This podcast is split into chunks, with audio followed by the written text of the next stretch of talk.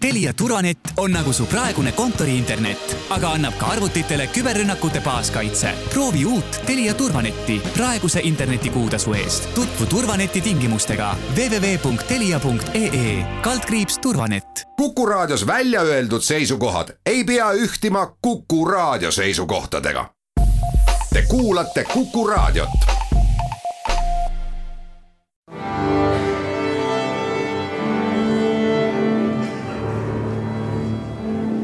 daamid ja härrad, Eesti Kontserdi saade.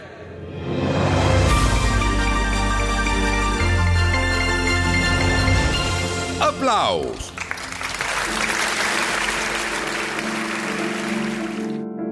tere kõigile, aplaus alustab, mina olen Lauri Aav. uudiseid kontsertide kohta järgmise kahe nädala jooksul ja kuigi praegu reaalselt toimuv pole päris selline kontserdihooaeg, nagu me seda varasemalt oleme planeerinud, ette kujutanud ja unistanud, on siiski olulisim see, et kontserdid toimuvad. enamuses küll Eesti muusikutega ja siis üksikute külalistega, keda on õnnestunud Eestisse kutsuda praeguses olukorras. kontserdid toimuvad ja seda paljuski tänu mõistvale publikule, maskid ette hoiame end ja teisi kontserdikülastajaid. olen vaadanud viimase nädala jooksul kontsertidel, see on muutunud juba valdavalt tavaks ja selliseks elementaarseks viisakuseks enda ja teiste suhtes ja kontserdid ka. kaks kauaaegset sõpra, Martin Kuuskmann ja Kristjan Randalu tulevad publiku ette kontserdikavaga, mida me siin omalt poolt oleme sidunud kahe erineva kontserdisarjaga meie sügishooajas. see on nii vokaaltsüklite sari Liederkreis kui ka džässmuusikasari Jazzical härrasmeeste pisut teistsugune vaade Schuberti vokaaltsüklile Talvine teekond. Kristjan Randalu seades vokaaltsükkel fagotile ja klaverile.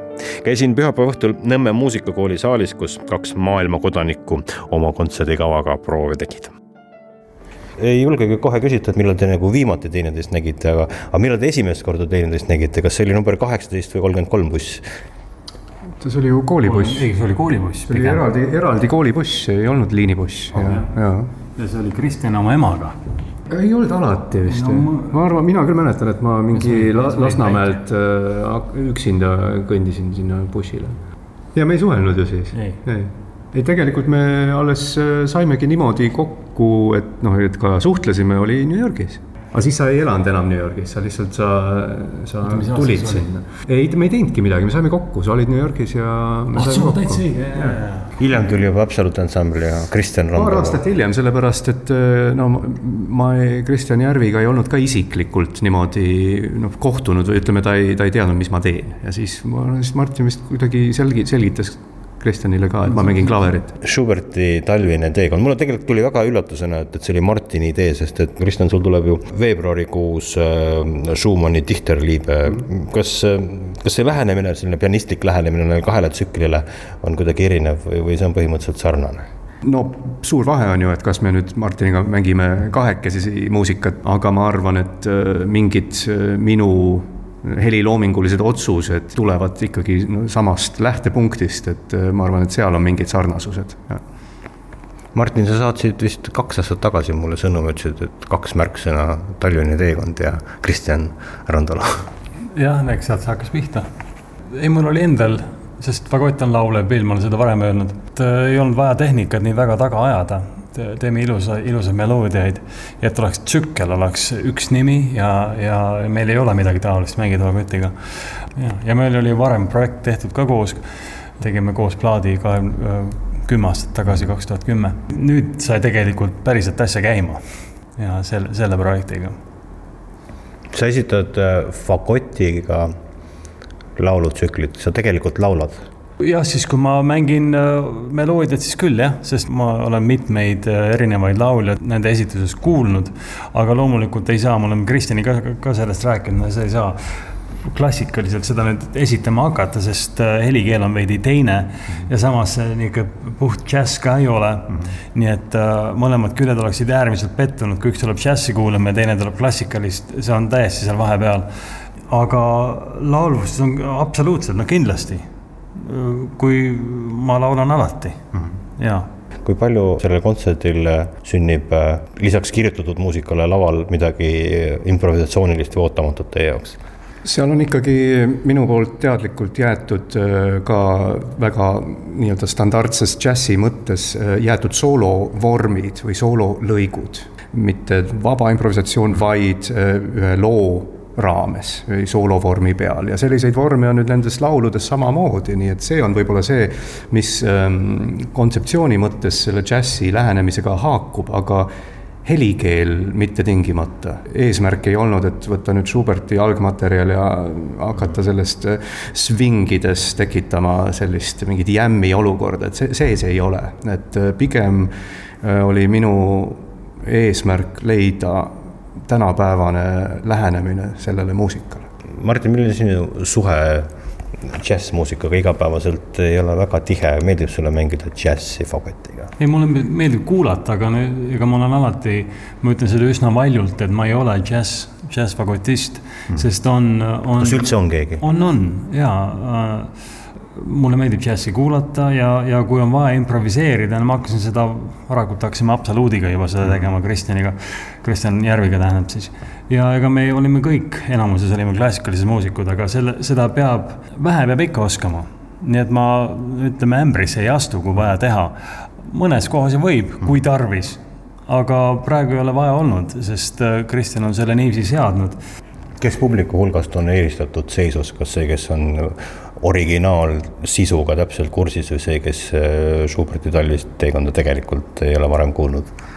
ma arvan, et, et need on huvitavad just lähtepunktid ja olekski huvitav siis võib-olla, kui on võimalus niimoodi kahe sellise erineva äh, inimesega, kellel selline taust on, siis rääkida, et mis nad sealt kaasa võtsid, aga ma arvan, et lõppkokkuvõttes peab igasugune muusika omaette toimima, et ma ei poolda seda, et selleks, et midagi mõista, peab olema läbinud mingi koolituse ja lugema mingi teoreetilise kokkuvõtte ja siis avaneb nii-öelda see kunstiteos, et muidugi kõlav tulemus peab olema iseseisvalt toimiv.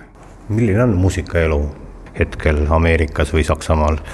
no üldiselt äh mures ollakse palju, ütleme Ameerikas äh, on, on raskem, sest ütleme, sellised suured kollektiivid nagu New York Philharmonicud ja Metropolitan Opera, kui nemad saavad äh, palka, mis on abiraha juba kuid ja paljud orkestrid lähevad, kaovad lihtsalt ära, selles pole kahtlust. aga samas äh, visamad ja suuremad jäävad alles ja ma olen kindel, et elu läheb edasi.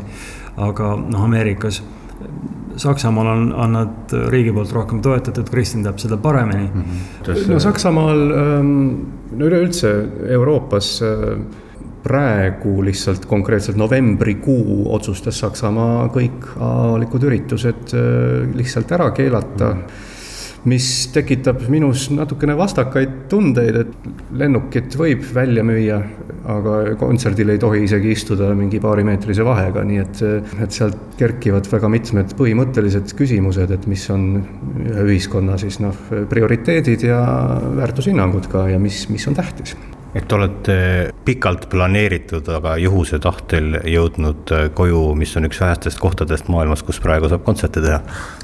Minu ainsad kontserdid ainsad kontserdid sel aastal, mul oli üle neljakümne planeeritud, kõik oli kindel ja ainsad kontserdid, mis on, on Eestis. oma kodus, oma kodumaal ja see ongi kõik, jaa. eksklusiivne. eksklusiivne, jaa Martin Kuusmann, fagott, Kristjan Randalu klaver, Schubert vokaaltsükkel Talvine teekond. Kristjan Randalu seades neljapäeval Pärnu kontserdimajas, reedel Vanemuise kontserdimajas ja laupäeval Estonia kontserdisaalis ning kõrvuti Pälvise teekonna kontsertidega jõuab kätte üks sügishooaja olulisemaid hetki. kevadel pooleli jäänud telekonkurss Klassikatähed kaks tuhat kakskümmend on sügisel õnnelikul kombel jätkuda saanud, võitjad on selgunud ja isegi traditsiooniline galakontsert õnnestus koostöös ERSO-ga kokku leppida ja sellele sobilik aeg leida see jõuab kätte sel reedel Estonia kontserdisaalis, mil Eesti Riikliku Sümfooniaorkestri ette astuvad kolm võitjat. klassikatäht kaks tuhat kakskümmend, pianist Tähele Liiv, samuti viiuldaja Triinu Piirsalu ja flötist Siret Sui dirigent on Olar Jelts ja see kõik reedel kell seitse Estonia kontserdisaalis. Ja tähelepanu veel, kell kuus toimub samas ka eelkontsert, kus saavad sõna kõik ülejäänud finalistid Mirjam Avango, Helin Hallik, Toomas Oskar Kahur, Kristjan Jaanek Mölder, Karl Tipp. Ehk siis kõik tänavused finalistid ja kehtib galakontserdi pilet ja kõik olete oodatud juba Estonia kontserdisaali reedel kell kuus õhtul Urmas Sisask, kes septembri alul oma kuuekümnenda aasta juubelit tähistas, tuleb publiku ette nüüd lõpuks oma juubelikontsertidega nii Tallinnas kui Pärnus. kui Tallinnas on kontsert järgmisel kolmapäeval kell neli Estonia kontserdisaalis lõunamuusikasarja raames ja sellest formaadist sõltuvalt pisut lühendatud kujul, siis suur juubelikontsert täismahus seisab ees kahekümne kaheksandal novembril laupäeval Pärnu kontserdimajas, kus on see ühtlasi ka Pärnu kontserdimaja sünnipäevakontsert. Õnne sünnipäevaks Urmas Sisask ja Pärnu kontserdimaja ning esinejate koosseis on tõepoolest aukartust äratav. Siiri Sisask, Urmas Sisask ise klaveril ja torupillil, Marcel Johannes Kits tšellol, Kaido Välja viiulil, Egmont Välja, Johannes Välja, Rudolf Välja, Tobias Välja, kõik tšellodel, Tiiu Sisask klaveril, Estonia seltsi segakoor, Pärnu kammerkoor, Pärnu linnaorkester ning dirigendid Kaspar Mänd ja Aivo Välja kavas on esiettekandena tšellokontsert Must auk M kaheksakümmend seitse. M kaheksakümmend seitse on objekt Neitsi tähtkujus, mille keskel on must auk ja kui kahe tuhande üheksateistkümnendal aastal õnnestus maailma raadioastronoomidel esimest korda seda raadioteleskoopidega pildistada, oli see astronoomia hullu sisaski jaoks nii oluline sündmus, mis andis tõuke luua teost tšellole ja orkestrile Marcel Johannes Kits soleerib ja lisaks on kavas veel Sisaski plejaadid, mida esitavad isa Urmas ning tütar Tiiu Sisask ja veel üks esiettekanne, Naage sümfoonia. Naage on küla Türisalu panga kõrval ja tuhande üheksasaja seitsmekümnendatel aastatel oli seal neli majapidamist, kahes neist Madise ja Näki taludest kasvas välja viisteist kutselist muusikut, väljad ja sisaskid. koos abikaasade ja lastega tuleb neist kokku aukarutust äratav nimekiri muusikuid tänasel päeval, kellest saaks kokku terve orkestri. no ja siis nüüd nendel juubelikontsertidel see sünnibki lisaks on kavas veel oratoorium Floret Silva Nobilis, seda küll kahjuks ainult Pärnu kontserdil. Urmas Sisaski juubelikontserdid kahekümne viiendal novembril Tallinnas ja kahekümne kaheksandal novembril Pärnu kontserdimajas. umbes sealkandis ka meie järgmine saade, siis räägime juba detsembri kontsertidest. kõike paremat